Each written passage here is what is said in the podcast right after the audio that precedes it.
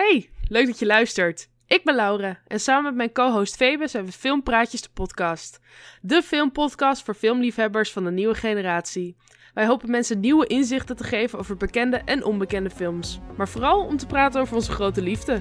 Films natuurlijk.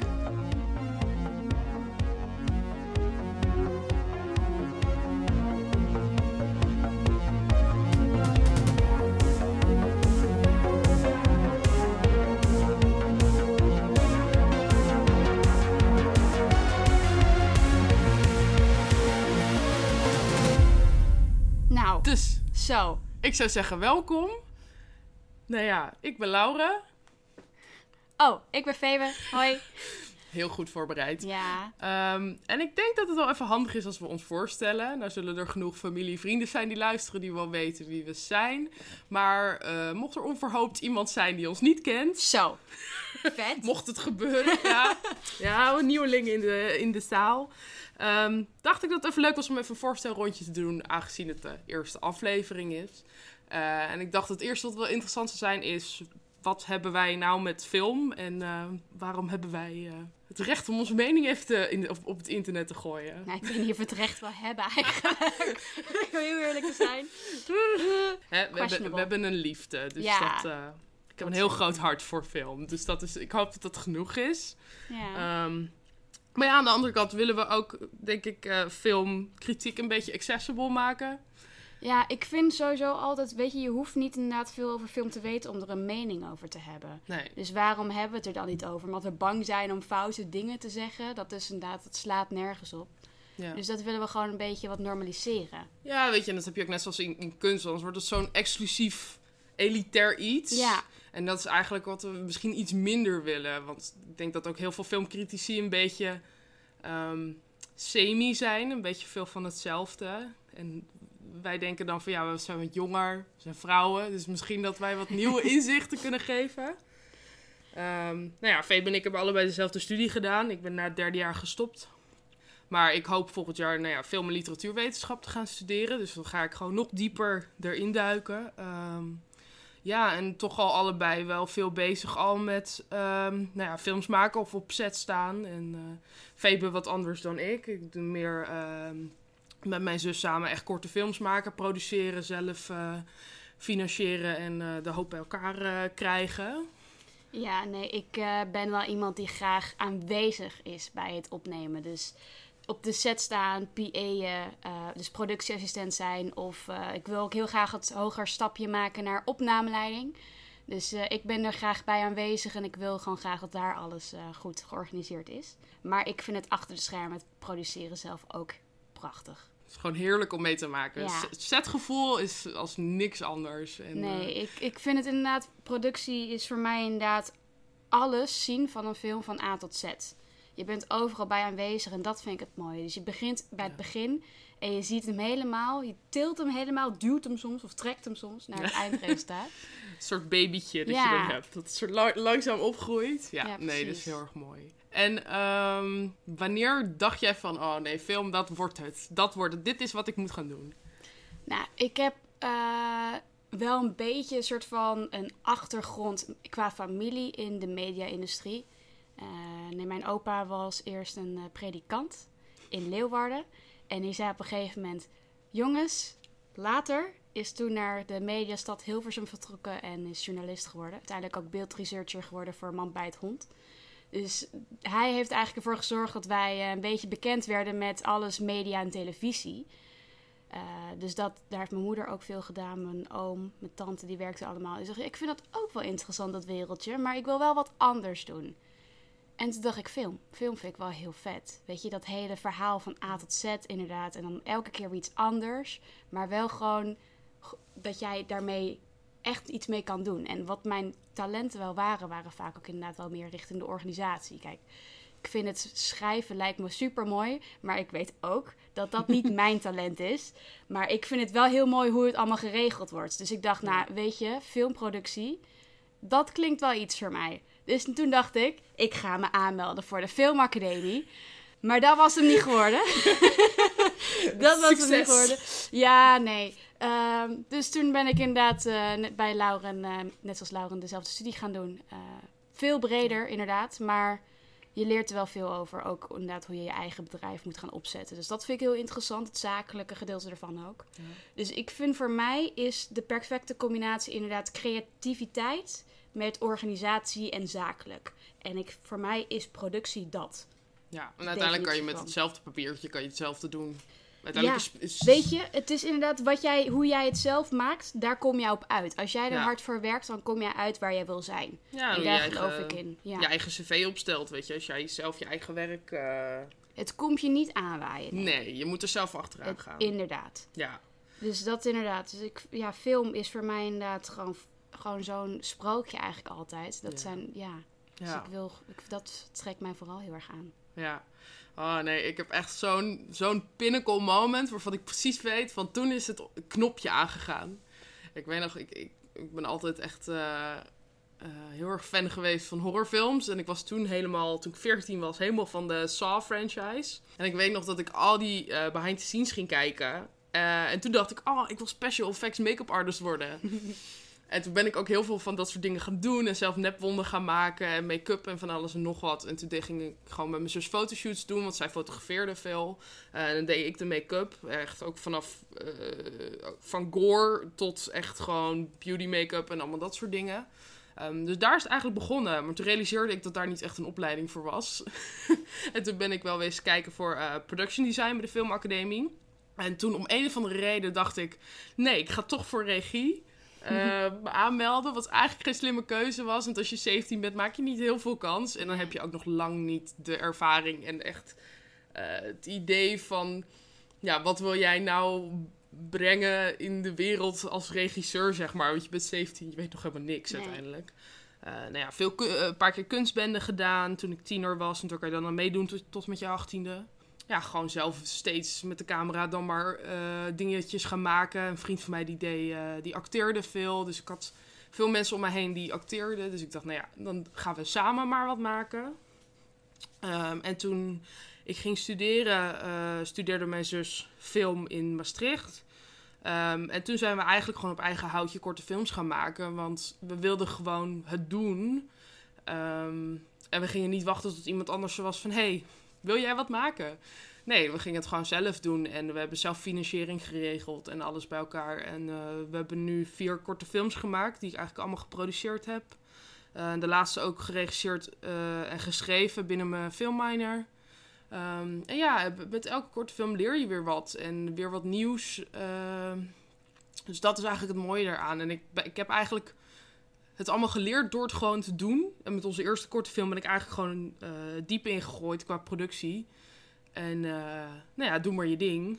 En ehm, ja, later ook meer eh, gaan schrijven. Ook eigen projecten gaan schrijven. En ehm, ook samen met, mijn zus veel geschreven ook nog.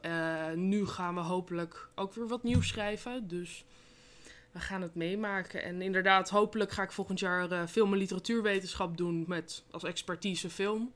Eh, en hopelijk daarna een master in journalistiek. En eh, hopelijk word ik dan een keer filmjournalist en kan ik dit betaald doen. Dus eh, Nice. daar hopen we op uiteindelijk. Ja, ja. dus dat is wel het plan. Dus we staan aan het begin van, van het avontuur. Zo, Zo. spannend. Ja, dus dat wordt wel wat. Maar ik heb het hele... Trouwens, voor mensen die van film houden en eh, niet naar de filmacademie eh, mogen, niet zijn toegelaten. film en literatuurwetenschap ziet er heel interessant uit. En na je eerste jaar kan je gewoon voor film kiezen. En dan krijg je gewoon compleet alleen maar vakken over film. En het is zo interessant. En, Ja. oh. Maar weet je wat ook is? Ik geloof ook echt dat je niet een opleiding nodig hebt. Ik eh, heb inderdaad een paar keer aanmelding gedaan voor de Filmacademie. Waardoor ik dus ook tussenjaar heb genomen om inderdaad ervaring op te doen. En die ervaringsjaren, ook al begin je inderdaad onderaan de ladder... en werk je soms echt jezelf kapot... zijn zo waardevol geweest dat ik gewoon inderdaad nu... eh, tijdens mijn studie gewoon als eh, freelancer wel nog gewoon af en toe op een set mag staan. En Ja. daar heb ik heel veel van geleerd. Heel veel waardevolle contacten mee opgedaan. Dus je kan jezelf ook echt wel eh, in het diepe gooien voor eh, een carrière in film. Maar Ja. je moet er inderdaad wel hard voor werken. Dat je- is het enige. En je moet het gewoon doen, uiteindelijk. Gewoon doen. Maar het is niet inderdaad dat jij naar de filmacademie moet of dat jij een papiertje moet hebben. Nee, als jij laat zien, ik wil graag leren en ik werk hard, Ja. dan gaan ze jou dat leren en dan moet je hard werken. Ja. Maar dat, dat is zo waardevol. Ja, een beetje andere tip voor mensen die er ook graag mee aan de gang willen. Je hebt in Nederland ongelooflijk veel wedstrijden voor scripts, voor korte films, voor weet ik veel wat allemaal. Documentaires waar je gewoon productiebudget mee kan winnen. En wat ik en mijn zus gewoon zoveel mogelijk proberen te doen, is dingen schrijven en insturen en dan kijken wat er gebeurt. Meestal word je afgewezen, want er zijn heel veel mensen die eh, meer ervaring hebben of eh, waar ze meer vertrouwen in hebben omdat ze meer eh, productionele ervaring hebt. Maar het is sowieso gewoon al een goede oefening om steeds eh, zo'n plan op te zetten en gewoon dat in te sturen. En dan krijg je ook feedback van mensen die echt in de industrie zitten. Ja, je moet ergens beginnen. Ja, dus het is echt gewoon doen eigenlijk. Dus meer kan je niet doen, weet je. Ook, ik heb gewoon genoeg uh, Ome Duo geld er ook in gestoken. dus weet je, je, je moet het ergens vandaan halen Ja. uiteindelijk. Je weet wel eens... ehm, Robert Rodri- Rodriguez, die, die deed gewoon allemaal van die medische eh, onderzoeken deed hij mee. En daarvan maakte hij dan zijn films. Dan eh, ging hij daar met kreeg hij daar zijn budget van. Ja, zo kan het ook, hè. Weet je? Je moet je eigen, eigen weg vinden.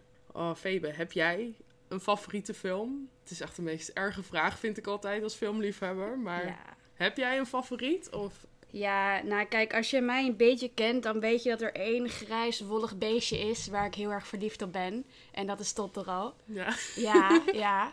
Op mijn computer zit er een sticker, op mijn muur hangt er een sticker. Ik heb sleutelhangers, alles. Ik ben ook naar Japan, naar het eh, Studio Ghibli muse- Museum en zo geweest. Ja, dat is gewoon, die, heb, die film kijk ik al sinds ik heel klein was. En ik ben ermee opgegroeid en nog zet ik hem aan en denk ik van, ah, Heerlijk, thuiskomen. Heerlijk. Dit is het gewoon, dat is het leven. Maar ook gewoon eh, de hoofdrolspelers. Weet je wel, May als oudere zus en het klein... Nee, May is het kleine zusje. En mijn zusje heet Maeve. Dus dat was, het was een beetje... Wij waren dat met z'n tweeën. Dus het is voor mij inderdaad wel een film die ook gewoon een beetje herkenbaar is of zo. Ook al is het een heel, hele gekke andere cultuur, ander land. Maar op een of andere manier, als je een klein zusje hebt, dan herken je dit zo goed. Ja. Het is echt, het is echt bizar. Maar sowieso, als jij tegen mij zegt, zullen we een Studio Ghibli film kijken? Ik zeg, eh, zeg no, no words, ik ben daar waar, hoe laat? ja, geniale films. Ja. Het blijft echt eh, geweldig. Nee, maar gewoon die combinatie van de muziek en dan die Hayao Miyazaki. Hayao Miyazaki en Joe Hisaishi zijn echt mwah, Ja. meesterteam. Misschien ook een keertje een afleveringetje over doen, hint, hint. Yes, please. ja, dan kan jij gewoon een uur lang praten, dan ga ik wat anders Oh, doen. ja. Nee, grapje. ja, echt. Ja. En die van jou dan? Ik heb er echt heel lang over nagedacht. En ik, ik- heb eh, van de week een, mijn top 50 favoriete films gemaakt. ik dacht, ik ga het nou een lijstje maken. Want ik heb ongeveer wel dingen waarvan ik denk, ja, ja. En toen dacht ik, weet je... Kijk, het zijn eigenlijk drie films. Maar Lord of the Rings Trilogy is voor mij gewoon de... Dat is de pinnacle van film. Ik heb er een tattoo van, weet je. Ik, ik had zoiets, dit, dit moet mijn favoriet gewoon zijn. Ik ben ermee opgegroeid. We keken het elk jaar, de extended edition, keken we met de hele familie. Dat was gewoon... Dat deden we gewoon. Gewoon eh 12 uur lang, weet ik wel niet. Wat is het? 14 uur of zo. Ze zijn 3,5 uur per stuk of zo, de extended edition. Ja, nee, dit moet het gewoon zijn. Dit, is, dit zijn de films waar ik mee opgegroeid ben. En die alleen maar beter zijn geworden de ouder ik ben geworden. En het is echt geniaal. Gewoon, ik heb het boek nooit gelezen. Ik heb het geprobeerd. eh, maar dat vond ik heel moeilijk. maar de films zijn zo goed. Wat een ongelooflijk spektakel. En oh, ik kan er gewoon echt... Ik word er zo gelukkig van. En het mag voor mij zo lang duren als, eh, als maar kan. En ik, ik heb ze dit jaar weer opnieuw gekeken. Vlak voordat ik mijn tattoo ging zetten. Ik dacht toch even voor de zekerheid even checken. Even gekeken. Zegt ze ook. Even gekeken. Nou, geen eens de Extended Edition. Want die, eh, die stonden niet op Netflix. Ehm, en ik had alleen deel 1 en 2 Extended Edition op DVD. Nu heb ik gelukkig 3 ook. En eh, ja, nee, het zijn zulke geweldige films. Dus ze zitten zo goed in elkaar. En ik denk dat het de beste trilogie ooit gemaakt is. Dat, daar kan, kan je eigenlijk bijna niet omheen. Ik denk dat er bijna niks ja, dichtbij komt. Van de actie en de drama's. Oh, nee. Ja, nee, daar word ik helemaal gelukkig van. Ik kan het echt Mhm. honderd keer kijken en ik word er nooit moe van. Echt niet. Nee, het is fantasy echt tot de max. En daar ben ik echt dol op. Ja, echt goede fantasy, daar word ik heel gelukkig van. Ja. Ik heb ze nog nooit gezien. Nee, hou op. Ik heb daar echt gewoon geen concentratie voor. Ja, maar... Weet je, oké, ik snap inderdaad heel veel mensen zeggen... Ja, maar zij is zo goed, je moet kijken. En ik denk ik van... Ja, het, ik, ik, ik, ik, ik begint en dan denk ik van drie uur. ja, maar de non-extended editions... Ja, die zijn drie uur inderdaad ongeveer. Maar dat... Ja, maar je hebt toch ook genoeg art-house films die ook drie uur zijn? Je hebt toch ook Schindler's List gezien of zo? Ja, maar weet je wat het ook is? Ik kan ook heel goed films en series kijken en ze halverwege een beetje doorspoelen. Want ik heb gewoon een concentratie van een goudvis. Sorry, maar ik heb, als, ik voor, als je tegen mij zegt, we gaan nu een film kijken van drie uur, zeg ik, oeh, ik heb eh, iets te doen. En dan gaan we het straks over Kubrick hebben, die bijna alleen maar lange films maakt. Ja maar, e- ja, maar kijk, als het je pakt Ja. vanaf het begin. Ja, maar ja, Lord of the Rings pakt mij echt. Nee, Ja, die ja, maar- extended edition kan ik helemaal vol kijken. Heerlijk. Oh, wat erg. Ja. Nee, sorry. Ik heb ze nog nooit gezien. Nee, ja, Dus, ik ga je eh, wel een keer neerzetten, vastbinden. En dan eh, heb je geen keuze. Dan mag je nog, dan ben ik nog lief. Dan mag je de, gewoon de originele versie kijken. Maar dit, ah, dit kan toch niet dat je dat niet gezien hebt. Dit zijn echt, ah, nee, dit zijn, een van de, dit zijn de beste films die er gemaakt zijn. ja. Dit zijn echt moderne klassiekers. sorry. Het doet een klein beetje pijn, maar eh, ik vergeef het je. Maar jij hebt nog nooit Funny Girl gezien, dus dat vind ik ook, eh, Ja, weet je. dat is voor jou dan weer. Ik heb pas recent de Wizard of Oz gekeken. Dus, ja, eh, weet je, dat soort dingen, dat vind ik dan weer schandalig. Dus ieder weer wat anders. Ja, nou ja, hè? je doet er niks aan. Nee.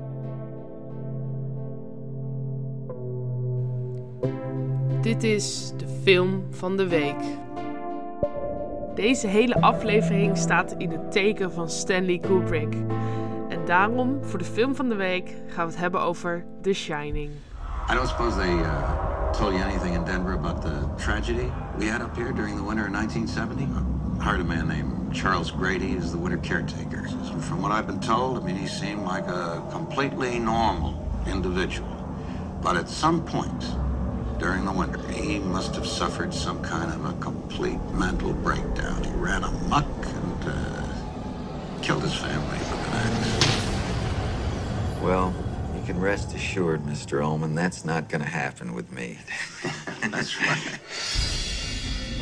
Mom, do you really want to go and live in that hotel for the winter? Sure I do. It'll be lots of fun. The only thing that can get a bit trying up here during the winter is uh, the tremendous sense of isolation. Is there something bad here? I fear you will have to deal with this matter in the harshest possible way. I do that. I killed you with Manny. You did this to me. Didn't you? I'm not gonna hurt you. I'm just gonna bash your brains.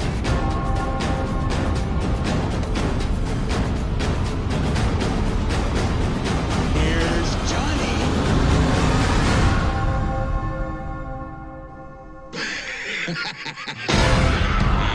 Ja, de meesten zullen hem al herkennen. Het meesterwerk van Stanley Kubrick, The Shining. Een geliefde film van velen en wellicht een van de beste horrorfilms ooit gemaakt. De film uit 1980 gaat over Jack Torrance, een schrijver en recent ex-alcoholist. Hij en zijn familie vertrekken naar het verlaten Overlook Hotel. Dit is waar Jack tijdens de wintermaanden als huisbewaarder zal dienen.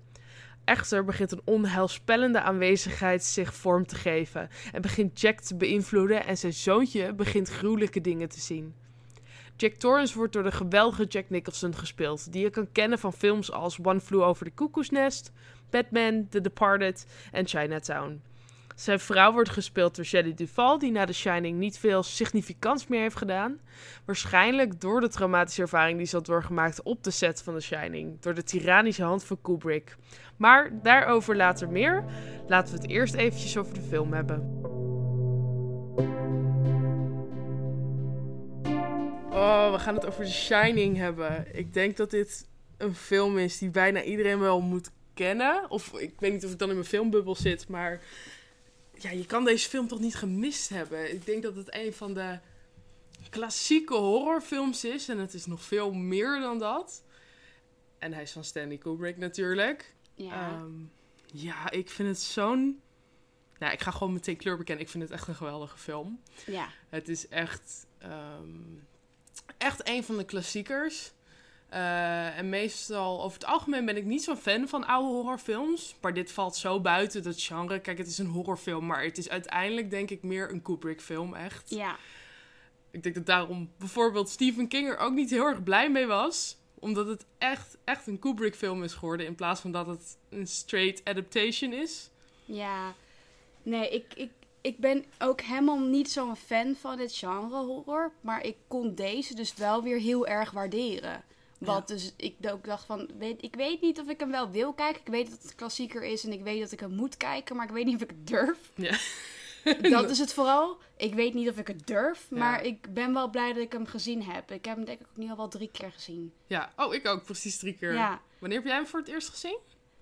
Pff, dat is al wel vijf jaar geleden. Ja, ik denk dat ik hem echt al uh, op mijn vijftiende echt al voor het eerst gezien heb. En ik denk dat ik er toen nog heel weinig van snapte. Dus dat Ja. het echt was van, oh, oh, heel edgy, allemaal bloed en eh, allemaal gekke dingen. Maar verder dat ik nog niet echt begreep eh, wat er nou precies gaande was. En zeg maar alle layers eh, die erin zitten. Ehm, en ik heb hem nu voor deze aflevering ook weer opnieuw gekeken. En ik heb hem een paar jaar geleden nog een keer gezien. Maar het is echt... Ik zat hem weer te kijken en ik dacht echt... Wauw, wat, ook de, wat ik zo mooi vind aan die film is gewoon die opbouw eh, die erin zit. En op een gegeven moment gaat het heel snel. Wordt het steeds erger en erger en erger. En dan zit er zo die spanning erin. En dat vind ik zo vet. Ik ben zelf ook gewoon heel erg fan van horror die meer disturbing is. eh, dan misschien de klassieke horror wat met veel jumpscares is en zo. Dat doet Kubrick eigenlijk niet. Ik Ja. denk de, de enige jumpscares die ik zou zeggen die erin zit, is dat de muziek is heel onvoorspelbaar. En ehm, die gaat eigenlijk niet per se gelijk met het beeld, maar af en toe komen er echt van die sprongen met van die piepen erdoor. En daardoor ben je echt de hele tijd zo on edge als je de film aan het kijken bent. Ik vind, dat vind ik veel interessanter dan ehm, ja, de gewone jumpscare. Dus dat vind ik ook heel erg vet aan de film. Ja, nee, ik, ja, ik ben dan misschien te oppervlakkig, maar ik ga heel erg goed op de visuals die Kubrick neerzet in die film. Eh, de kleuren die hij meebrengt in sommige sets. Hoe die eigenlijk ook niet bang is om de regels van het filmmaken compleet verbreekt en kapot maakt. En gewoon zijn eigen ding doet, maar het wel laat werken. Ja. Weet je, ik weet nog heel goed. Ik heb eh, op een gegeven moment was er een keer een les, want ik had een cursusjaar bij de filmacademie gedaan. En dat ging dan ook over de as gaan. Wat, hoe, wat betekent dat en waarom moet je dat niet doen? En er was er één voorbeeld van hoe doe je het wel goed door dat te doorbreken. En dan was het die badkamerscène Ja, van The Shining. En dat blijft me zo bijhangen. Ik van, hoe bizar is het inderdaad dat jij gewoon een regel hebt die heel logisch klinkt, maar die gewoon kapot maakt, maar het wel goed doet. ja, En dat kan hij. Ik vind de symmetrie in zijn scènes, eh, hoe dat dit focuspunt in het midden, volgens mij heeft dat ook een speciale naam gekregen naar hem toe, ja. wat hij ook in alle andere films gebruikt. Klopt, heel gecentreerd inderdaad en heel symmetrisch. Sowieso staat Kubrick onbekend dat hij perfectionist is. Nou ja, dus Ja. ook zo met The Shining. Ehm, ik denk dat je dat vooral ook ziet in ehm, het stuk waar eh, Danny de twee meisjes ziet. Ja, Nou, dat is zo'n vet shot. Zo'n gang die dan zo, zo doorloopt. En dan echt die twee meisjes in het midden. ja, Ja, nee, je ziet dat echt heel erg. Ehm, ik vind ook zijn wide shots heel erg mooi. Mhm. Hij laat heel erg de ruimte zien. En dat, dat geeft ook juist weer iets heel naars mee, omdat het zo'n leeg hotel is en er is verder Ja, niemand. maar het is daardoor heel dynamisch. Ja, En dat is zo vet. Dat je inderdaad door de manier waarop hij dat draait, echt gewoon wordt meegenomen in die ruimte. Waardoor het dus inderdaad nog wel een tikje enger wordt dan het al was. ja, Maar ook dat je het echt gaat begrijpen. En daarom is The Shining ook een film die je meerdere keren moet kijken. ja. Want elke absoluut. keer haal je weer iets anders uit. Waar je denkt van, oh, echt waar? Ja, Vet? ja, een nieuw detail, detail dat je weer ziet of iets. Of iets Ja. nieuws uit, uit een performance van Jack Nicholson of van eh Shelley Duvall.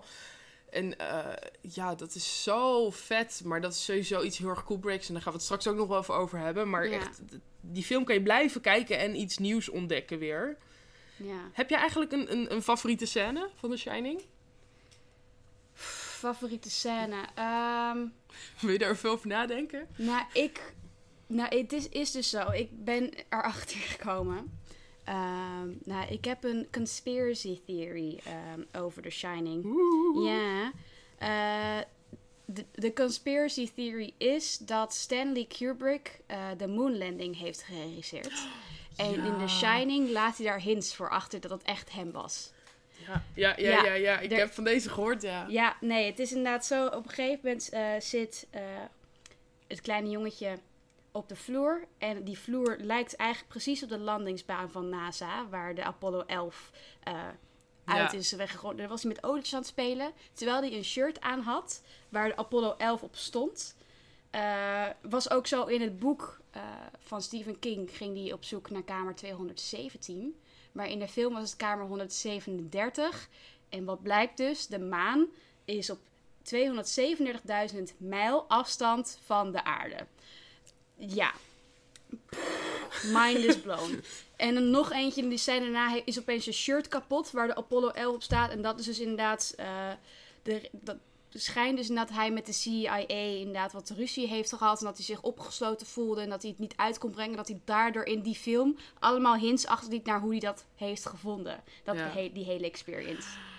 Dus Oeh. elke keer als ik die scène zie dat hij op de grond zit met die odetjes op dat, op dat tapijt met zijn shirt, denk ik van, oh. Als dat waar zou zijn, hè? Oh, ja, maar is echt- het is, het is zo wild hoe inderdaad die details eruit zijn gehaald. Ik bedoel, waarom zou je een kamernummer veranderen? Ja, van een boek. Van dat een je- boek. Ja, dat, Wat is het nou belangrijk dat je dat nummer verandert plus 20? Ja. Nee, dat is echt... Oh, nee, ik heb deze conspiracy theory inderdaad ook wel eens gehoord. En ik denk dan zelf altijd... Oeh, we zijn wel heel ver aan het zoeken. Maar ik vind het wel heel erg leuk om erin te duiken. En te denken, oeh, wat nou als? Want ik denk, als iemand dan de maanlanding zou faken... dan is het wel Kubrick. Ik Ja. bedoel, wie anders?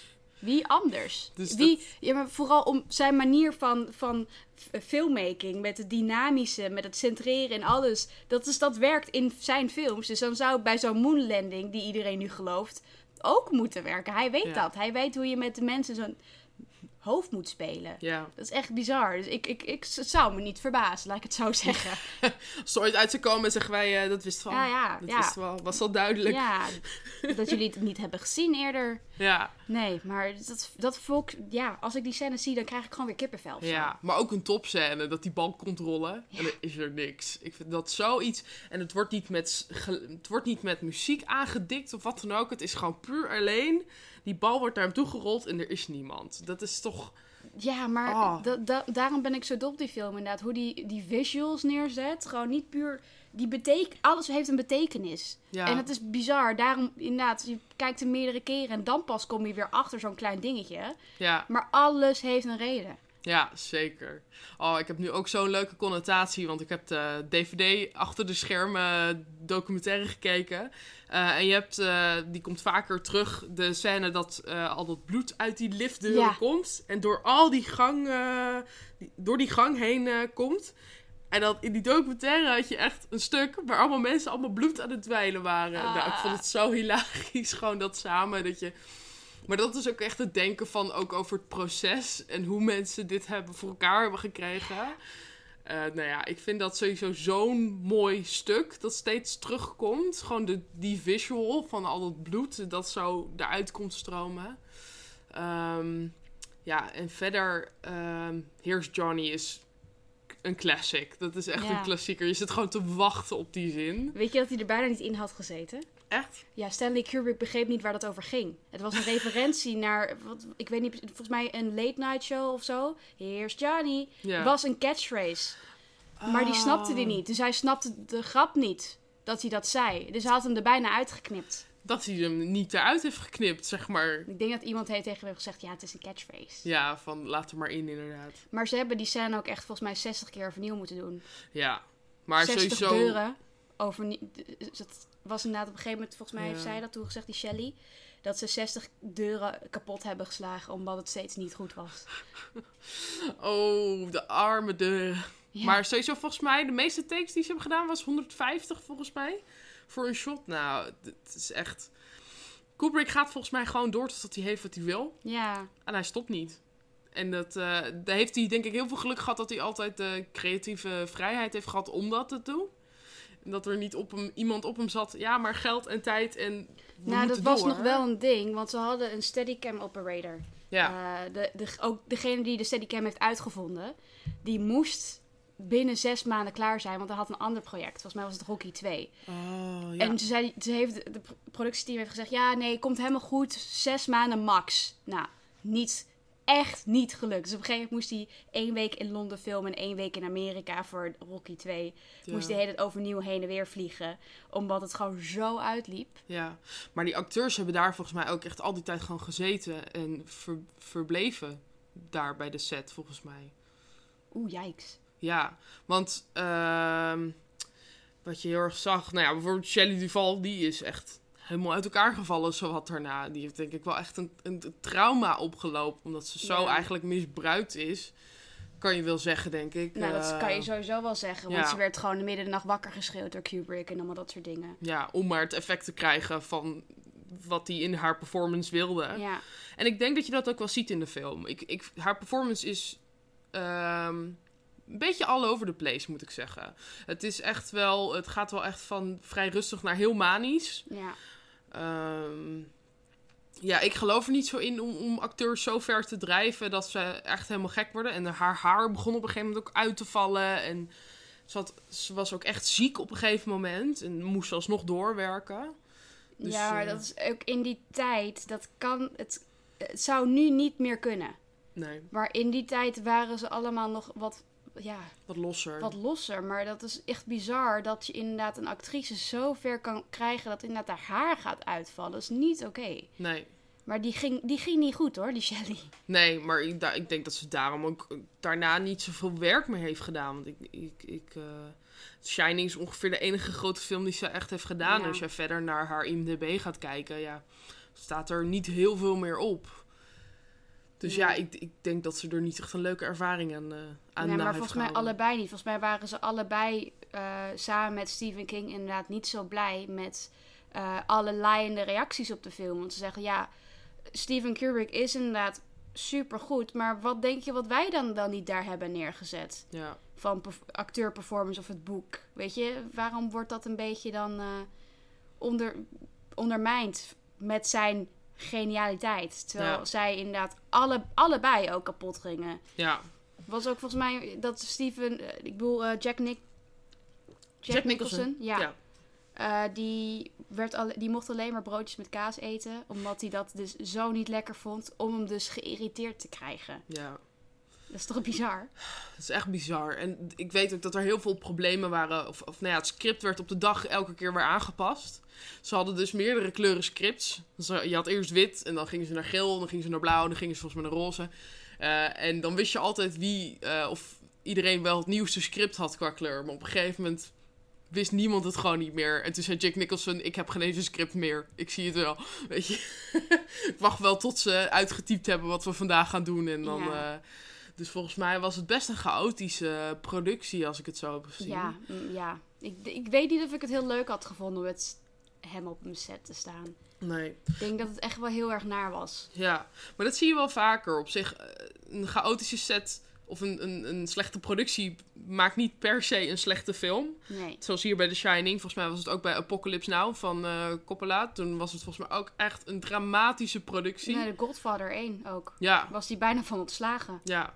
Dus het betekent niet zozeer iets ehm, voor de kwaliteit van de film. Maar het, is echt, het lijkt me echt een drama om daar gewerkt te moeten hebben als eh, acteur of als, als deel van de crew. Want ongelooflijk. En zeker onder Kubrick, die echt volgens mij geen, eh, geen blad voor zijn mond nam. En geen compromis nam. En gewoon deed wat hij wilde en zorgde dat hij kreeg wat hij wilde. Ja.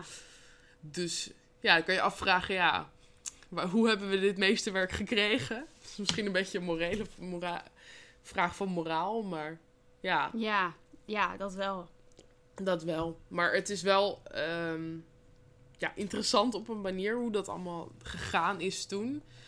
En inderdaad, nu zou je dat niet zo snel meer zien. Ik denk dat het heel snel, zeg maar, eh, afgekapt zou worden. Nee, ik denk als je Dat mag nu Stanley Kubrick in deze sociale wereld zou neerzetten, dat hij niet eens meer zou mogen. Nee, nee, ik denk dat die wel ingeperkter zou worden wellicht. Of Ik denk dat, weet je, de cancel culture is zo sterk tegenwoordig. Ik denk Ja. oprecht dat die gewoon echt verbannen wordt. Ja, Want ik, ik, ik snap ook echt wel dat het best wel naar een persoon is of collega is om mee te werken. Ja. Als je iemand echt zo in de stress drijft dat er haar gaat uitvallen en dat ze paniekaanvallen krijgt, dat is gewoon, dat kan echt niet meer tegenwoordig. Nee. En ik denk dat uh, nu hedendaags Kubrick ook veel meer problemen zou hebben met uh, het werken met studio's en zo. Ik denk dat het nu vandaag de dag veel lastiger is om complete creatieve vrijheid te hebben, tenzij je echt je eigen films produceert. Ja. En echt je eigen uh, geld erin steekt, zeg maar. Dus het is. Um, ja, ik denk dat het wel lastiger wordt om echt een independent filmmaker te zijn en er dan maar tussenuit uh, te steken en dan nog je geld terug te verdienen. Ja. Ik denk dat dat echt heel lastig is vandaag de dag. En uh, Kubrick heeft eigenlijk bijna in zijn hele carrière complete vrijheid gehad. Hij heeft heel veel van zijn films gewoon zelf geproduceerd. Ook heel, bijna allemaal volgens mij zelf geschreven. Natuurlijk allemaal zelf geregisseerd. Dus hij, hij was eigenlijk al een groot deel van de crew zelf. Dus hij had heel veel touwtjes in handen. Ja. Ik denk dat, dat hij vandaag de dag dat niet zoveel meer zou kunnen doen. Want op zich, zijn films hebben allemaal niet... Als je naar box office kijkt, gewoon niet alle cijfers zijn um, helemaal goed uh, bereikbaar. Maar ja, heel veel verdiende die ook niet van zijn films. Hij verdiende zijn budget wel terug. Maar ja, heel veel meer dan dat ook niet. En ik Ja. denk dat dat vandaag de dag ook niet helemaal meer zou, eh, goed genoeg zou zijn, zeg maar. Om steeds weer een nieuwe film... eh, ja, komt hij echt ja, in de arthouse eh zien. Want dat is het ding. Zijn films zijn wel heel cinemat cinematisch. En, maar ehm, aan de andere kant ook weer niet. Zeg maar, Ja. als in een echte bioscoop epic. Nee, ik denk niet dat als jij gewoon de algemene, hoi, ik vind wel is leuk om op de bank te zitten en een film te kijken, eh, persoon een Kubrick film voorschot, of ze het wel echt zouden kunnen waarderen. Nee. Ik denk dat er maar, ik denk dat The Shining misschien nog wel zou kunnen, maar ik denk dat zijn andere films daar net een beetje te, te heftig. eh, Ja, zijn wel lastig om in te komen. Ik denk misschien Lolita of Full Metal Jacket, dat die nog wel een Ja. soort van. ehm, dat, ik weet ook dat er wel veel mensen zijn die fan zijn van Full Metal Jacket bijvoorbeeld. Ehm, Lolita is misschien een oudere film, misschien iets onbekender. Ehm, maar dat zijn denk ik de meer, ja, meer bereikbare films die misschien iets eerder pakken. En waar nog steeds wel heel veel lagen onder zitten, maar die, waar misschien de bovenlaag toch iets makkelijker te begrijpen is. ja, Dat je minder snel afhaakt of iets. Ja, nee, maar en, en inderdaad The Shining. Maar ik denk ook omdat The Shining echt een cult classic is. Ik denk dat heel veel mensen al die beelden zo erg kennen. ehm, dat het daardoor ook wel heel bekend is. En heel veel mensen er ook wel heel erg fan van zijn. ja, Al is het alleen maar om ehm, de visuals en, en, en eh, al dat soort dingen dat mensen kennen. De twee zusjes, inderdaad, dat bloed dat door die gang heen gaat. Ehm, de Here's Johnny. Dat is allemaal zo ehm, bekend. Ik denk dat heel veel mensen dat, dat als iemand Kubrick niet kent, dat ze wellicht wel The Shining kennen. ja, precies. Dus ik denk dat dit wel echt zijn grootste film is geweest. In ieder geval niet qua geld misschien, maar wel qua ehm, of die nu nog relevant is en of het nu nog steeds net zo geliefd is. Eh, en ik denk dat The Shining wel de film is uit zijn filmografie dat, eh, die dat heeft. Introspective. Maar laten we het verder hebben over Kubrick. Even The Shining achtergelaten. Want hij heeft natuurlijk nog veel meer andere films gemaakt die echt absolute classics zijn. Heb jij een favoriet? Ja, ik denk toch dat ik ga voor eh 2001 A Space Odyssey. Ja? Ja.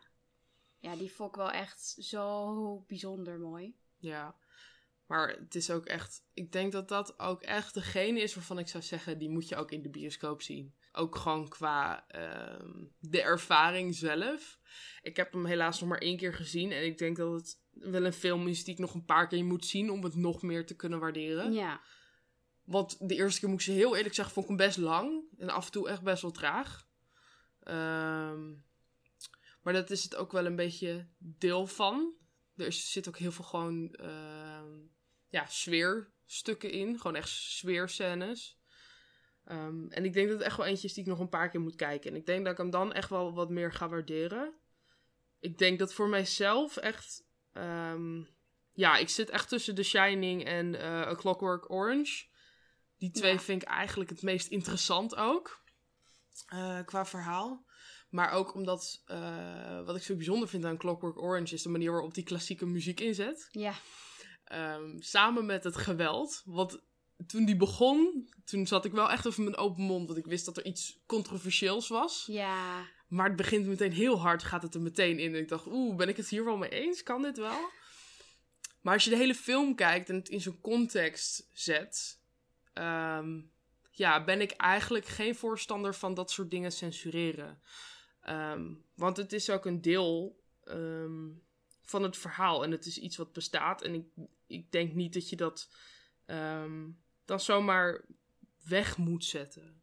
En ik vind heel erg het idee van uh, keuze heel interessant. Van, omdat hij dus helemaal uh, gemanipuleerd wordt om een naar gevoel te hebben bij uh, geweld. Ja. En is, is het dan nog wel goed, zeg maar? Want hij kiest er niet voor. Hij heeft nog steeds die slechte intenties, alleen hij kan ze niet uitvoeren, omdat hij dus dan heel erg misselijk en naar wordt. Ja. Um, dus is dat dan wel hetzelfde als echt een goed mens zijn?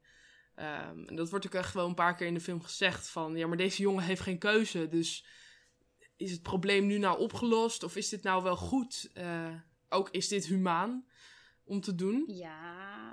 Dus dat is wel echt... Uh, nee, dat vind ik heel interessant aan die film. En ja, nou ja, The Shining hebben we het net allemaal over gehad... maar ik ben gewoon een grote horrorfilm, horrorfilm uh, fan. Nee, dus die twee, daar ben ik echt wel echt heel erg van te spreken. Ik vind... Um, niet al zijn films even geweldig, moet ik heel eerlijk zeggen.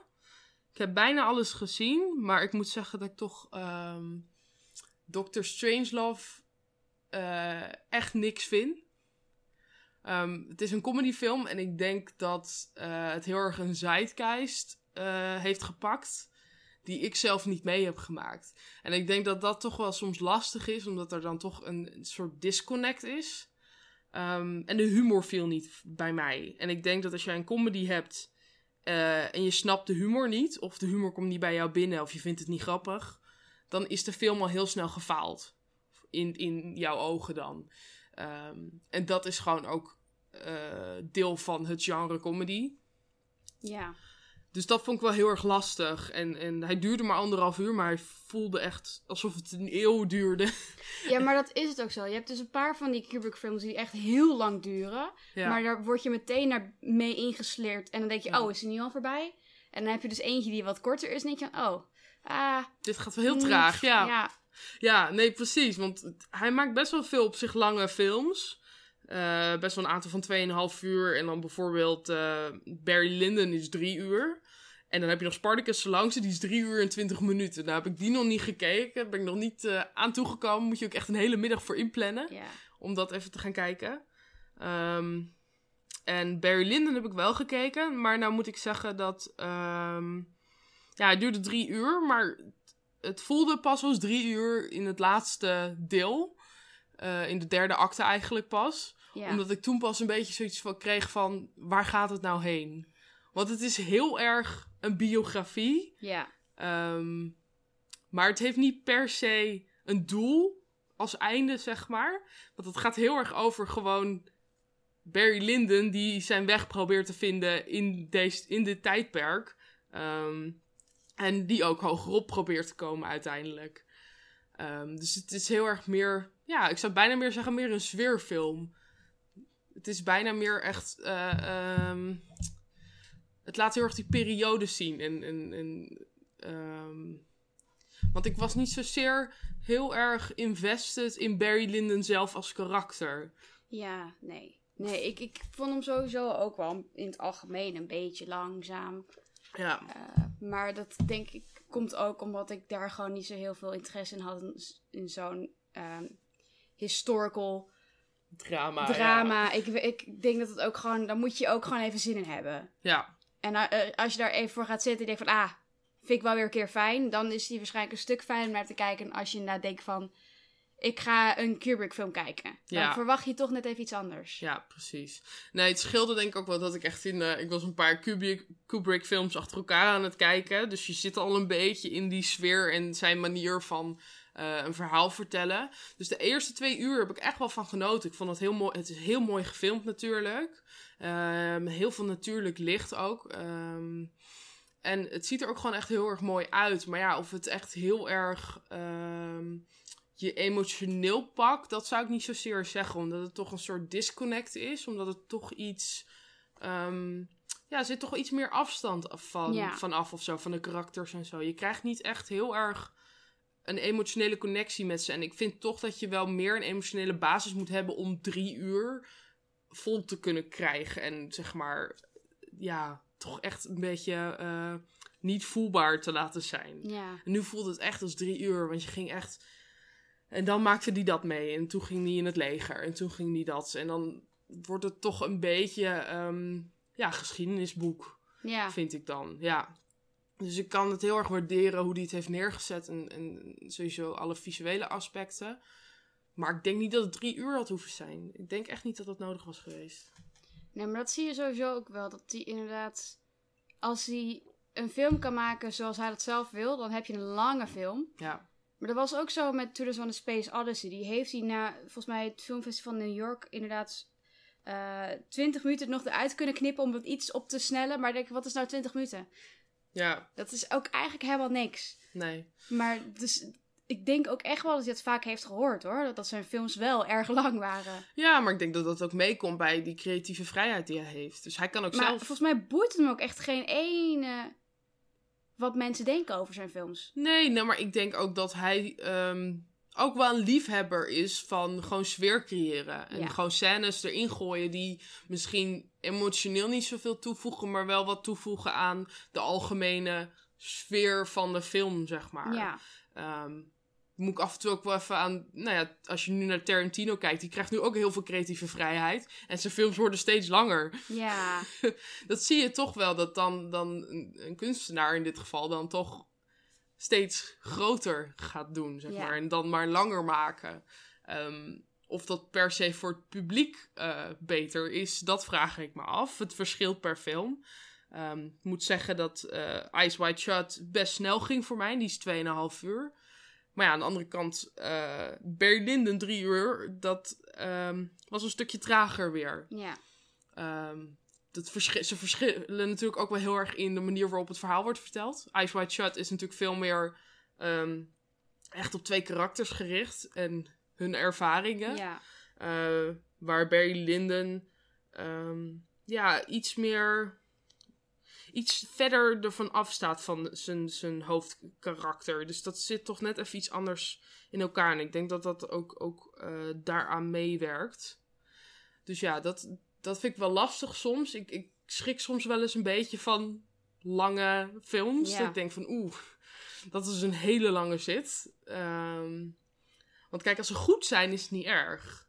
Maar als, je het niet, als het je niet pakt, ja, ik ga niet een film stoppen. Als ik heel eerlijk ben, als ik een film begin, dan maak ik hem ook af. Ja, maar dan vind ik het dus wel fijn als je op Netflix staat en ik op die plus 10 seconden kan klikken. Even een beetje doorspoelen. Ja, Oh, ik kan dat echt niet. Ik kan echt niet doorspoelen. Nou, ik, eh, ik moet dat soms doen, anders stop ik er gewoon mee. Ja, Als het, als het echt inderdaad te lang duurt, dan vind ik dat echt wel vervelend. En dan ga ik hem inderdaad een beetje doorspoelen. Ik van, kom nou, even, doe even iets. doorgaan.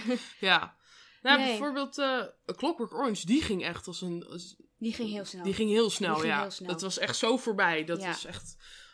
Maar dat vind ik ook zo vet aan die film. Er zit zo'n, ik weet niet, lekker ritme in of zo. Ja, Mm. Maar ook door de eh, muziek en de energie die erin zit. Er zit zo'n energie in die film. In heel veel stukken.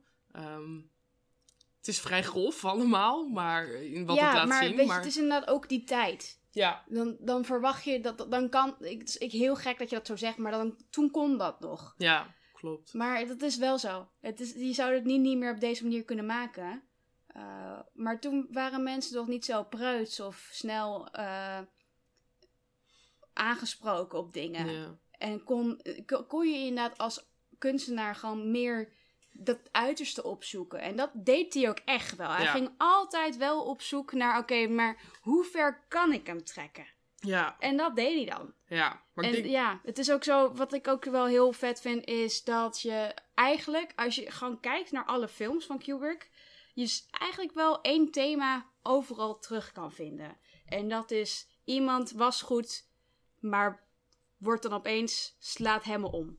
Ja. Weet je, in 2001 A Space Odyssey is, is het de computer. Ja, Zou ze moeten helpen, wil ze op een gegeven moment toch kapot maken. The Shining ook. Jack Nicholson wordt op een gegeven moment niet goed en wil zijn hele familie uitmoorden. Weet je, het, is altijd, het komt altijd weer terug, maar gewoon een hele andere setting. Waardoor je dus wel kan zeggen, dit is een Kubrick film. Maar als je inderdaad kijkt naar genre, s- scènes en dat soort dingen, hoe het eruit ziet, zijn het compleet andere films. Ja, nee, maar hij heeft zoveel verschillende genres ook gemaakt. Maar het is inderdaad heel veel wel hetzelfde. Het gaat altijd sowieso over de, de menselijke conditie. En, en, en wat dat dan betekent. En dat, dat, dat laat hij in heel veel verschillende facetten zien. Ik bedoel, hij heeft een comedy gemaakt, heeft een oorlogsfilm gemaakt, horror, eh, drama, nou ja, een period piece, van alles en nog wat. Eh, en dat is wel heel erg bijzonder aan Kubrick, dat hij zich eh, heeft kunnen uiten in zoveel verschillende genres. En dat hij eigenlijk zo'n divers eh, palet aan films heeft gemaakt. Maar ze zijn wel allemaal echt on, onmisbaar Kubrick. Ja, dat De- is zo vet. Ja, dat is zo bijzonder. Gewoon als je het ehm, gaat kijken al, dan kan je het echt al merken. Gewoon in de manier waarop de, de manier waarop het geschoten is, met, samen met de muziek werkt, de sfeer. Het is zo Kubrick al. Dat is echt iets onmisbaars. Ik denk dat ehm, ja, er op zich niet heel veel regisseurs zijn die echt zo erg een eigen stijl hebben ontwikkeld. Die in alles doorbloedt eigenlijk. En dat is echt zo interessant. En wat ook heel grappig is, is juist eh, wat jij zei over Clockwork Orange, dat dat toen nog kon. Het grappige is met Lolita, tien jaar eerder, heeft hij het verhaal moeten, ehm, ja, iets, iets toegankbaar moeten Ja, maken. ja. Om, om door de codes die er toen waren. Want er mocht niet te veel, zeg maar, met seks. En Lolita gaat natuurlijk over, ja, eigenlijk gevoelens van pedofilie. Ja. Dus er zit eigenlijk helemaal geen handelingen in na- naar seks of wat dan ook. Het is eigenlijk een beetje een, een, ja, een beetje familiedrama geworden uiteindelijk. En dat is wel heel bijzonder dat hij zich daar weer heel erg terug heeft moeten houden. En het later, juist in de jaren tachtig, weer veel meer... eh, of nou ja, in de jaren zeventig met de Clockwork Orange... veel meer, ehm, ja, controversiëler Ja. is geworden eigenlijk met, met de film. ja, maar dat is ook een beetje de tijd toen ook, hè? Ja, Dus dat is wel, ja, ik vind het gewoon, ik vind het gewoon wel bizar van hem, inderdaad. Eh, hoe hij wel altijd die grens opzocht. ja, absoluut. Kijk, en toen mocht het op een gegeven moment, dus hij inderdaad dus teruggefloten. Maar dan heeft hij dus een paar jaar later, toen het dus wel weer mocht, wel weer gedaan. Ja. Het is niet ik denk van, oeh, maar ik wil niet dat het nu weer een beetje... eh, Ja, maar op zich, Doctor Strangelove was, ik denk, zijn eerste film waar hij echt ook best wel wat riskanter, eh, de, de riskantere kant op ging. Want het was toen nog in de Koude Oorlog en hij heeft daar eigenlijk gewoon op ingespeeld en daar een film over gemaakt en dan meteen ook een comedy. Ja, maar er zijn ook echt, politiek is daar ook in meegestapt, hè? Ja, Die hebben echt regels eh, aangepast om te zorgen dat het niet echt kon gebeuren. ja, nee, dus dat, ik denk dat hij eh, niet heel erg bang was om, om eh, de controversiële kant op te stappen. Ik denk dat hij daar echt vanaf Doctor Strangelove, dat, ik denk dat hij geen, met geen enkele film zich ingehouden heeft en niet eh, echt stapjes verder is gegaan. ja, nou, ik vind zijn meesterwerk nog steeds wel de Moon Landing, hoor. Beste film van Kubrick. Beste de film Moon ooit, ja. Landing. De top 5. Sinds we het over The Shining hebben gehad, gaan we voor de top 5, top 5 horrorfilms doen. Ja. Eh, nou ben ik een heel groot horrorfan, maar Febe niet zo. Nee, ik, ik durf gewoon niet. Maar ik, ik ben even door IMDb gegaan en ik blijk dus wel vijf horrorfilms gezien te hebben. Dus die ga ik gewoon opnoemen. Ja, dus Febe's top 5 eh, Ja. zijn ook de enige films die ze gezien heeft Ja. genre. Ja, Daar houdt ja. het ook op. Ik, ik kan ook, het, is- het is ook een heel scheef lijstje, maar het heeft allemaal een reden waarom ik ze heb gezien. Ehm, nou, dan heb je dus Zombieland, want ik was heel groot fan van Emma Stone. Dus die zat in die film. Dus toen heb ik die gekeken. Vond ik eigenlijk niet zo heel eng, want ik ben, weet je, ik hou niet van jumpscares. Nee. Die vind ik echt niet fijn. Je zou mij op letterlijk kunnen laten schrikken en mijn hart stopt met eh, kloppen. Ik vind dat gewoon echt niet grappig. Maar als je het hebt over duizenden zombies neerschieten, vind ik het niet zo erg. Ja, maar het is ook een comedy horror, Het hè? is- ja. Het hele tijd met die Twinkies. Ja, maar weet je, dus dat kon ik nog hebben. Maar je moet tegen mij niet van die films hebben van oeh, spannend, boem. En dan, ben, Ja. dan lig ik ergens in Afrika, zeg maar. Nee, precies. Eh, dus ja, dus die heb ik daarom gezien. Die vond ik op zich wel geinig. Eh, nou, natuurlijk The Shining. Ik denk dat dat Ja. wel nummer 1 ook is. Ja, is dat nummer- je, had- je had geen volgorde. Nee, ik heb geen volgorde, maar ik heb ze ook alleen maar gezien. Dus ik heb ook niet de volgorde. Ik weet Nee. alleen dat ik The Shining heel goed vond. Zombieland, ja, dat is, het was wel grappig, maar het, was niet, het heeft niet een indruk op me achtergelaten. Nee, het is gewoon echt een hele leuke film om gewoon te gaan kijken. Ja, het was, Dus- wel, was wel lachen. Ja. Gewoon dat. Leuke cast, weet je, het is lekker kort. Het, het, het kijkt lekker weg. Ja. Precies. Dus ja, dan heb ik natuurlijk ook de classic, de Gremlins, wel gezien tijdens kerst. Weet je, op de televisie. Ik heb die nog nooit gezien, hè? Ja, maar ja, dat, dat, dat, dat- weet je, dat soort classics heb je allemaal nooit gezien. dus dat snap ik sowieso niet. Maar deze komt dus volgens mij tijdens kerst, oud en nieuw, altijd ergens op een eh, zender wel weer voorbij, de Gremlins. Ja. En die zijn altijd heel schattig totdat ze nat worden. Dan worden ze heel eng. Dus daarom is het een horrorfilm. Ik vind dat zo heerlijke practical effects, die beestjes. Ja. Het, het ziet er fantastisch uit. Het is echt prachtig. Ehm, ja, wat ik ook een hele vette vind, eh, was eh Train to Busan. Oeh. Ik heb ook de, de train naar Busan genomen. Voor toen ik in Seoul Vond je het eng? Nee, het was gewoon een hele high-speed eh, fancy train. Dus ik, ik dacht, nou. Ja, niks aan de hand. Maar ik kende die acteurs die erin zaten al. Want ik kijk best wel veel Koreaanse films en dingetjes. Dus Ja. dat was ook wel weer fijn te zien. En ik vond het ook heel bijzonder om te zien hoe goed die deed in de westerse wereld, deze film. Iedereen had het Ja. opeens over de Train to Busan. Ik van, wow, echt waar? Hebben die ook gezien? Ja. Vet. Maar sowieso deze regisseur, hoor. Die is nu echt internationaal echt... Want hij had Okja gedaan, eh, die is op Netflix. En Ja. Snowpiercer. Ja. Is ook echt wel internationaal eh, doorgekomen. Nu dus Parasite, dat is nu echt de lieveling voor de Oscars. Ja. Ehm, Maar hij verdient dat ook wel hoor. Hij Ja. maakt echt goede films. Nou ja, ik ben alleen heel bang dat hij in de foreign film categorie terecht voor komt. Ja, dat tuurlijk. zou heel lullig zijn. Net zoals Roma vorig jaar. Ja. Maar ja, n- hij moet een Oscar krijgen waarschijnlijk. Ik moet hem nog zien, maar het zal wel heel goed zijn. Is, Nee, eh, maar hij kan ook heel goed disturbing dingen Ja. neerzetten. Daar Ja. kan hij heel goed. Dus ik, ja, daar was ik ook gewoon fan van. En ik heb ook ehm, een LGBT-klassieker. Ben ik ook, eh, die was kennelijk ook een horrorfilm. Ja, zijn we achtergekomen Zijn we vandaag. achtergekomen, ja. Dat is Jennifer's Body met, eh hoe heet ze ook? Megan Fox. Megan Fox, ja. Ja. En eh, Amanda Seyfried. Ja, wat was het nou ook weer? Dat, eh, zij vermoordt toch allemaal gewoon jongens? Ja. Die verleidt ze eerst Ja, en dan vermoordt ze, ja. Ja, Ja. heerlijk. Nou, perfect plot toch? Ja, toch?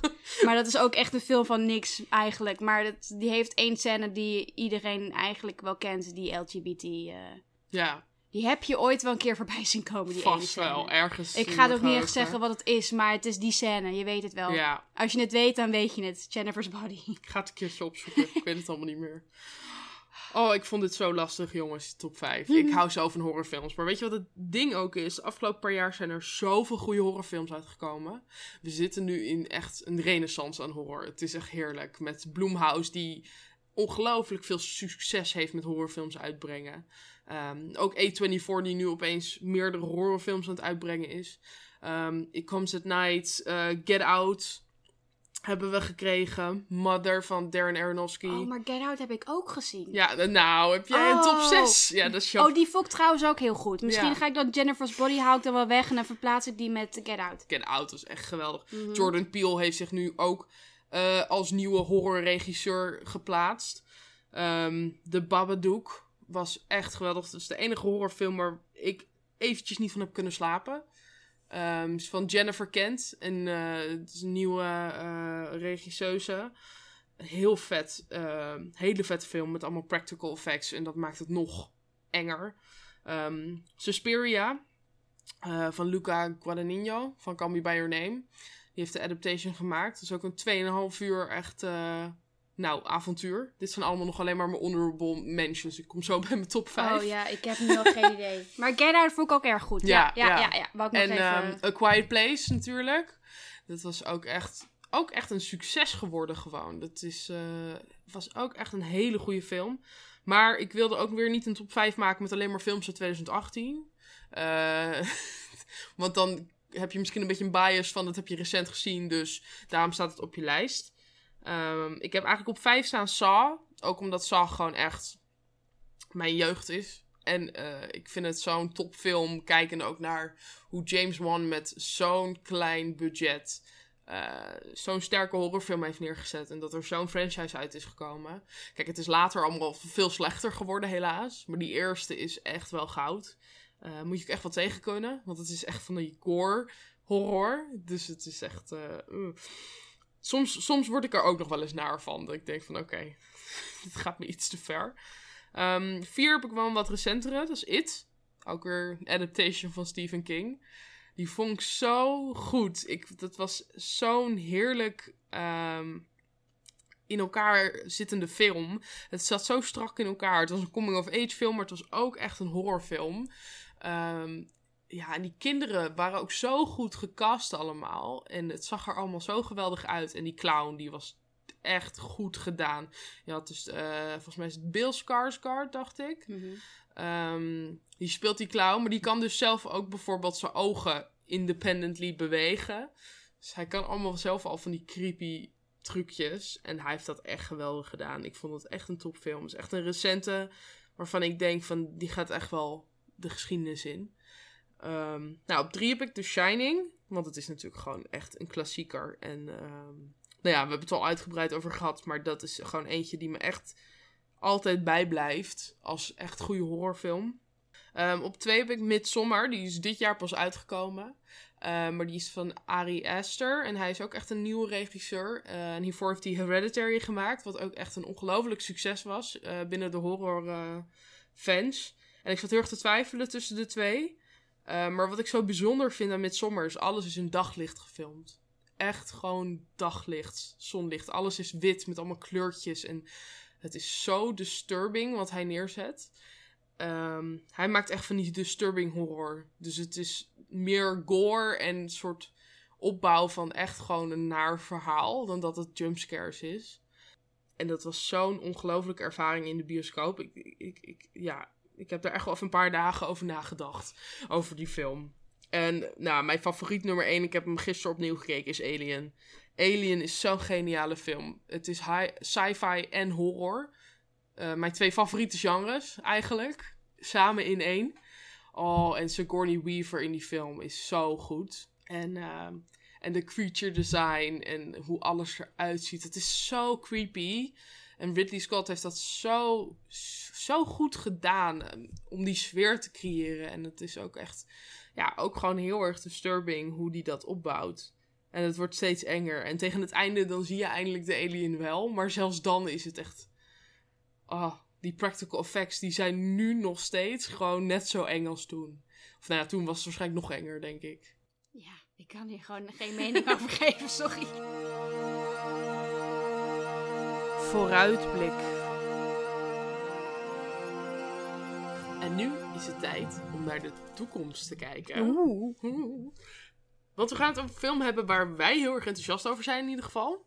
Uh, in ieder geval een van de weinige Disney live-action films waar ik uh, heel erg enthousiast over ben. En dat is Cruella. Uh, die staat nu gepland voor mei 2021. Jeetje. Dus ja, dat duurt in ieder geval yeah. minstens anderhalf jaar. Jeetje. Ze zijn nu aan het filmen. En dat wordt een prequel van, nou ja, 101 Dalmatiërs, de klassieker die we allemaal kennen. van Cruella. Uh, het wordt geregisseerd door Craig Gillespie.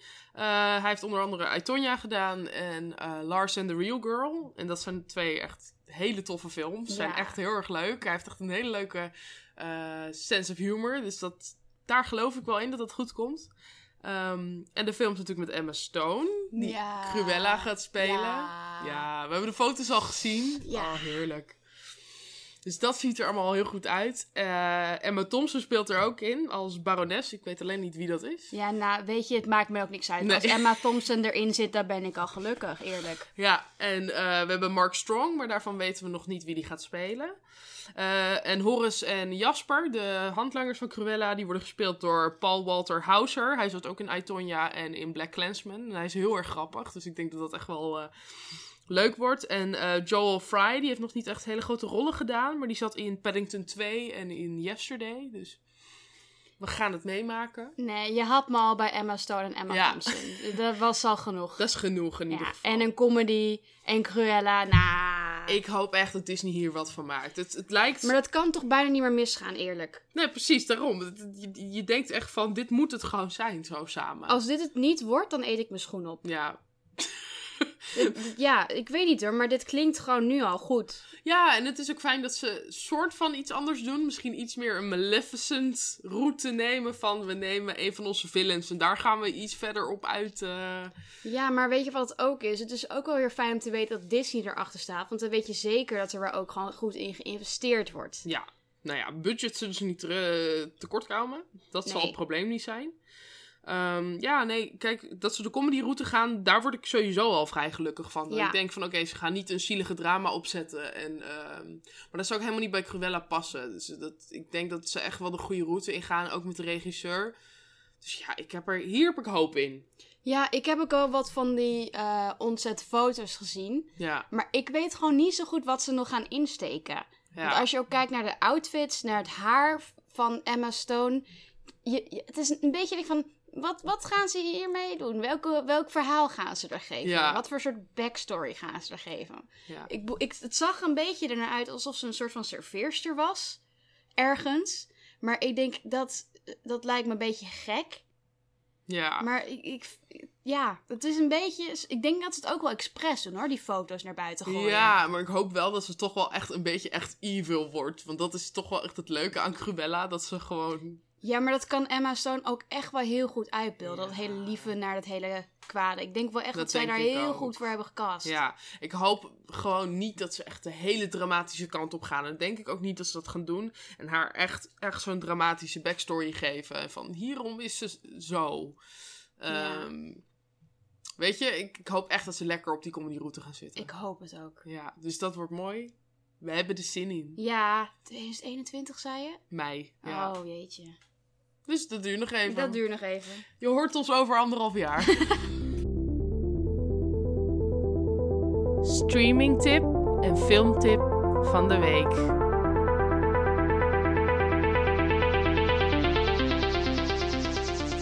En natuurlijk willen we jullie ook wat meegeven, zodat jullie ook wat gaan kijken.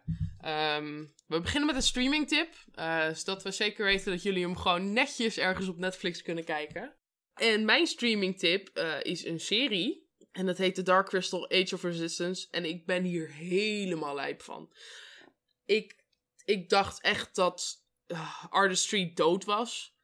En toen kwam dit. En ik ben weer helemaal tot leven gebracht. Want jongens, Netflix heeft het vertrouwen gehad om deze serie compleet in de Henson Company hun handen te laten. De original, originele creature designer zit er weer op. Met zijn vrouw en zijn zoon, die nu ook creature designer is. Ehm, ze hebben 80 sets gebouwd. Ze dachten eerst, we doen deels CGI en deels eh, met poppen.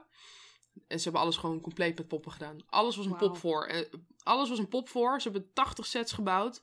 En ze hebben alleen maar aangevuld met CGI. Voor bepaalde dingen, om dingen te versterken of om eh, bepaalde effecten te maken. En om de puppeteers, zeg maar, weg te werken. Mm. Maar het is ongelooflijk. Netflix heeft er echt flink wat geld in gestopt. Ja, dat lijkt me wel dan. Kost heel veel geld.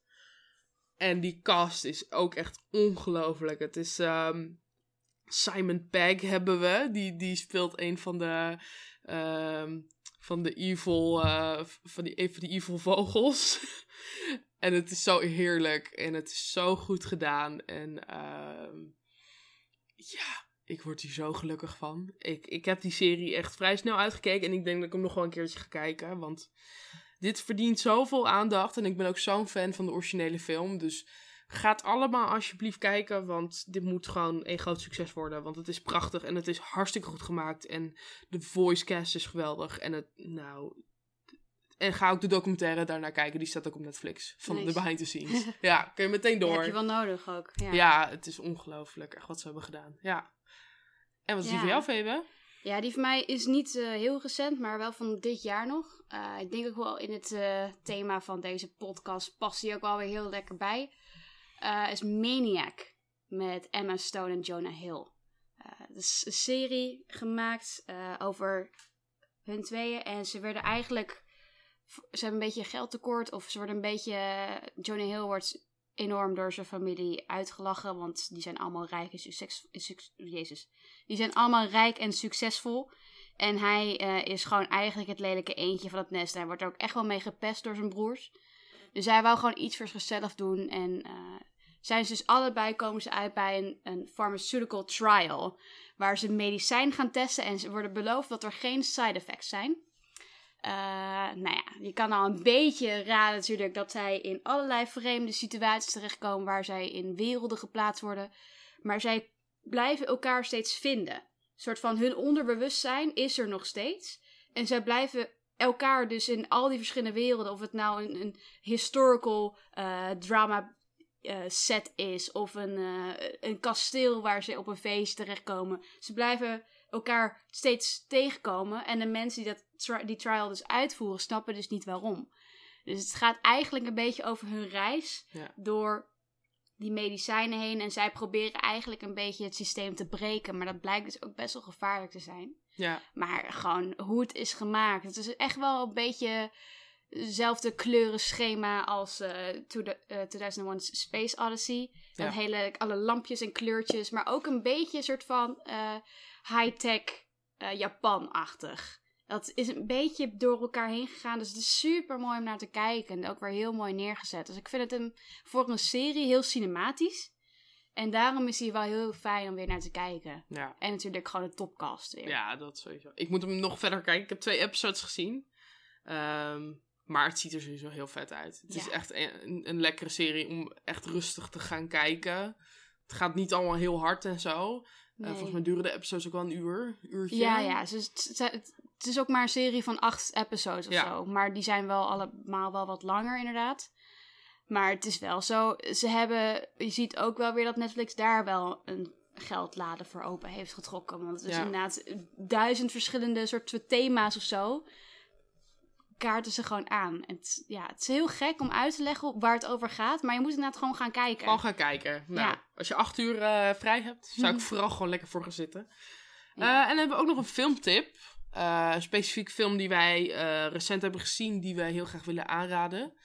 Ehm, ik heb zelf tijdens het Pathé Pak Festival Sorry We Missed You gezien van Ken Loach. Ehm, en die komt 14 november in de bioscoop. Eh, en hij is ook te zien op het Leiden Filmfestival. Eh, en die zou ik echt heel erg aanraden om mensen te gaan kijken. Het is zo'n goed eh, politiek drama over, de over de levensomstandigheden van de gewone werker. En dat brengt Ken Loach zo realistisch in beeld dat het echt, nou, het is echt hartverscheurend om te zien.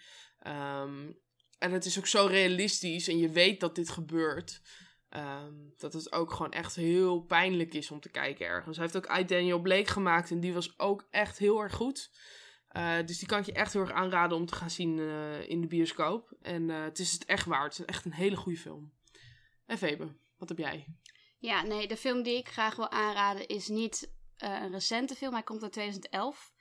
Eh, maar je gaat het waarschijnlijk nog wel in andere afleveringen horen. Maar ik ben heel erg fan van Koreaanse entertainment en films die ze neerzetten. Dus ik wil heel graag de film Sunny aanraden. Eh, Sunny is een film dat gaat over eh, een vrouw. En je ziet een beetje flashbacks van haar tijd toen ze op de middelbare school zat. In de jaren, wat is het, jaren 60. Toen ook best wel heel heftig eh, politiek eh, niet zo lekker zat in Zuid-Korea. Eh, heel veel protesten tegen, voor democratie. Maar dat is eigenlijk een beetje een achtergronddingetje. Je ziet het soms wel eens, het is voor de grap wel eens voorbij komen, laat ik het zo zeggen. Eh, maar in die tijd speelt het zich af. En eh, dus zij krijgt eigenlijk een beetje weer herinneringen naar haar middelbare schooltijd. Op het moment dat zij een van haar vriendinnen terugziet in het ziekenhuis, die dus stervende blijkt te zijn. Dus om haar eh, laatste wens uit te laten komen, wil zij hun groep, die heet Sunny, weer bijeen laten brengen. En gaan ze dus allemaal op- zoek naar elk van die personen, die dus blijkt dus hele andere wegen zijn allemaal zijn opgegaan. Ehm, en het is gewoon, het is heel bizar hoe zij dus inderdaad, eh, voor Koreaanse standaarden is het de eerste film die 5 eh, miljoen tickets had verkocht. Maar het is ook een van de weinige films die volledig, de main cast volledig bestaat uit vrouwen. Eh, Hey. Dat is in Korea echt wel een dingetje. Eh, Ja. Dus daarom is het ook heel belangrijk om dit soort films wel echt in de spotlight te brengen dat die bestaan. Het is niet een vrouw die eh, er is als het liefje van de man die de hoofdrolspeler is. Nee, het gaat echt om vijf vrouwen die gevochten hebben waar ze voor staan. En het is een comedy, het is heel grappig om naar te kijken. Ook als je gewoon de film in- met Engels ondertiteling ziet, dan begrijp je hem ook. Ja. Het is niet een cultuurdingetje dat je hem niet kan begrijpen. De humor is ook voor ons westerse blanke mensen gewoon Ja. te begrijpen. Als je kan lezen, dan Als je komt kan het lezen. helemaal goed. Nee, maar het is echt gewoon een hele fijne film. En het gaat net over jaren 60. Ehm Sunny, het is inderdaad, ik weet niet of 60, in ieder geval wanneer dat nummer van Bodie M uitkwam, Sunny. Oh, oké. Daar ja. zijn ze naar vernoemd namelijk. Ah. Maar het is heel komisch om te zien. Op een gegeven moment is er een scène dat eh, de volwassen groep meiden erachter komt dat de dochter van de hoofdrolspeelster gepest wordt. Dus eh, wordt er geknipt naar een scène van toen zij jonger waren en dat zij ruzie hadden, hadden met een andere groep meiden. En werd er een soort van crosscut gemaakt van eh, tijd van nu en de tijd van vroeger. Hoe zij eigenlijk gewoon een groep middelbare scholieren bullies aanpakken. Maar dan één keer als toen ze zelf ook op de middelbare school zaten. En één keer als gewoon volwassen vrouwen in de, Oh, in de heerlijk. 50. En dan ook, dat heel geniaal en grappig is het opgebouwd. En ook in het klimaat dat het in Korea echt niet gezellig was. Wordt, speelt nog wel mee. Maar dat hebben ze heel grappig weggewerkt op de achtergrond. Ja. Dat je het eigenlijk niet door hebt. Maar als je denkt van, hmm, Maar slim. het is er wel, ja. Slim. Dus dat zou ik inderdaad aanraden. Nou, Sunny. genoeg om te kijken in ieder geval. Om je weekend mee te vullen. Ja, Dus, dat was hem weer. was dat hem al? Dat was hem al. Lieve filmliefhebbers en filmnoobs. Dat was alweer de allereerste aflevering van Filmpraatjes, de podcast. Ik hoop dat jullie hebben genoten van ons geklets en hopelijk tot de volgende keer. Mocht je vragen hebben of wil je ons gewoon een leuk berichtje sturen, slijt dan in de DM's op Instagram. Waar je ons kan volgen, zetten we in de show notes. Tot de volgende keer.